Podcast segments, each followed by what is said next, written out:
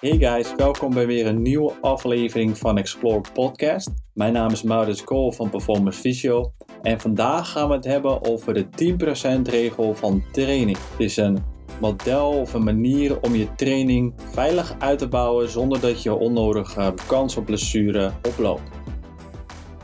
Laten we eerst kijken wanneer je hem wel gebruikt of wanneer je hem niet gebruikt. Wanneer je hem niet gebruikt is als je een goede schema al volgt of je hebt een coach die voor je programmeert. Dat gaat altijd voorop in een schema die je, die je van iemand krijgt. Ehm, daar zit al een logica in met een bepaalde opbouw. Dat is altijd beter dan zelf aan de slag gaan. Of als je een coach hebt, die kan natuurlijk altijd micro-aanpassingen maken aan je schema per dag of per week. Omdat jij misschien sneller progressie boekt dan wat jouw schema um, of wat je programmering uh, voor uitbouwt. Of misschien reageer je helemaal niet zo lekker en moet je schema juist uh, ietsjes afbouwen in volume of intensiteit. En dat is natuurlijk altijd de voordeel van een coach hebben of een schema die je volgt en iemand waar je mee kan sparren. Heb je dat niet, dan is de 10% regel een simpele model of een simpele manier om je training uit te bouwen. Dus zonder om onnodige grote stappen te maken, wat weer je kans op een blessure vergroot. Dus, hoe werkt de 10% regel? De 10% regel is in feite eigenlijk een 10% toename van je weekvolume per week. Dus, laten we kijken naar een voorbeeld. En we nemen hardlopen weer als voorbeeld. Jij loopt drie keer per week. En deze week loop jij drie keer 5 kilometer. Dus jouw weekvolume is 15 kilometer.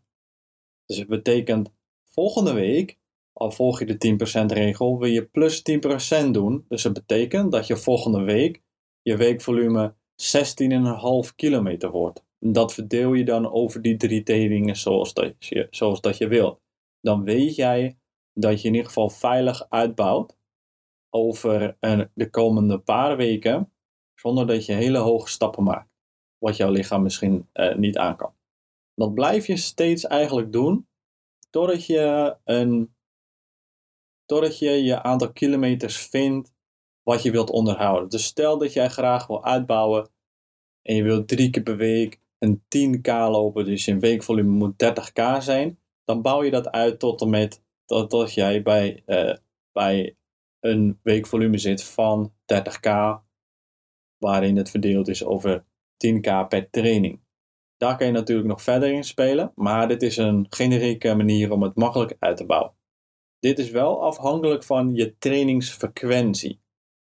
Vorige, in de vorige podcast hebben we het gehad over de, de FIF-H-model. En, en we hebben het gehad over blessures die ontstaan als je een te hoge FIF hebt, maar ook blessures die kunnen ontstaan door een te lage FIF te hebben. Dus het betekent dat je te weinig traint per week om een vaste progressie te maken. Want we hadden het over fase 1, 2, 3 en 4 in supercompensatie.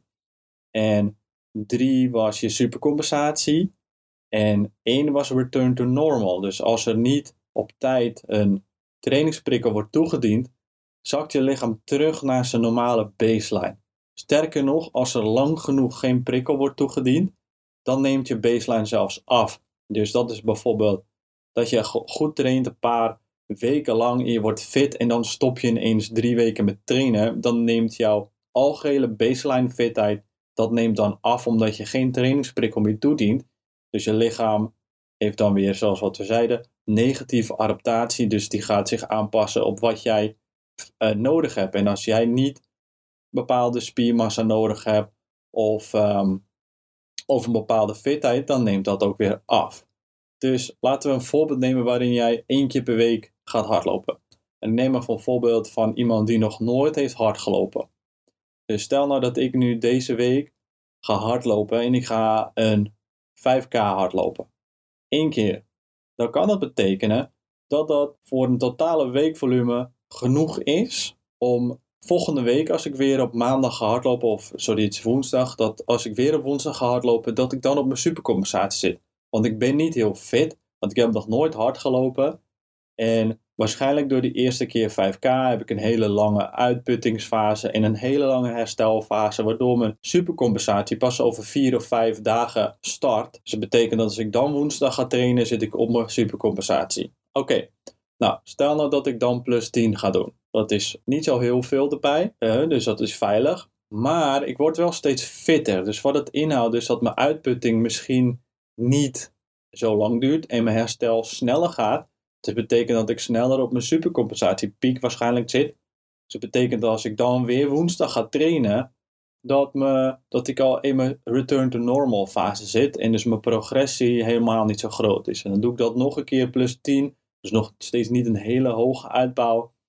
Dan de week daarna um, zie je misschien dat ik helemaal in mijn return to normal zit. Dus dat ik eigenlijk helemaal niet echt progressie maak tussen training 1, 2, 3 en 4 in. En als ik dat zo doorga, dan blijf ik steeds eigenlijk op, um, op mijn baseline, wat dan bijvoorbeeld 5K is. Maar ik bouw wel mijn volume steeds uit. Dus dan zou je eventueel ook nog een overbelasting kunnen opbouwen um, of oplopen, omdat je trainingsfrequentie of je FIF is te laag.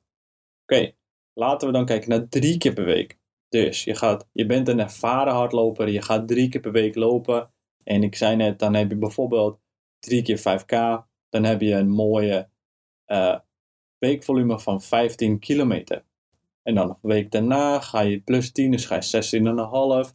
En de week daarna ga je ongeveer naar 18. Dus dat betekent dat jouw individuele trainingen, die bouwen niet heel erg uit. Dus je zou dan kunnen inzetten op, oké, ik ga de ene week 8K lopen. Uh, of de ene dag ga ik 8K lopen. Twee dagen later of drie dagen later ga ik een kleine 4K lopen.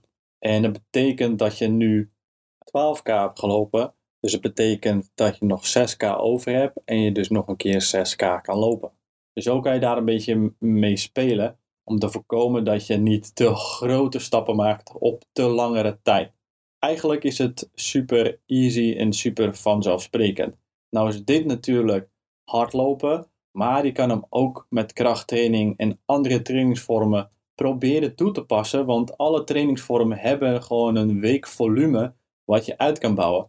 Laten we naar krachttraining kijken. Jij hebt bijvoorbeeld vijf oefeningen en alle oefeningen, in dit geval even voor simpel rekenen, is 3 eh, keer 10.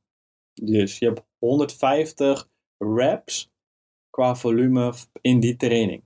Nou, als je daar drie trainingen van doet, dan heb jij 450 reps gedaan. Dus het betekent dat als jij de week daarna wil gaan trainen en je wilt daarin gaan uitbouwen, dat je dan plus 10% aan je weekvolume toevoegt en dat dan verdeelt over je dagen. Dus dat is in principe op dezelfde manier rekenen, alleen dan op krachttraining uh, toegespitst. Dit is dus alleen maar uitbouwen qua volume. Dus hier is niet rekening gehouden met de intensiteit waarmee je iets uitvoert. Dat is vaak het lastige aan dus zo'n 10% regel.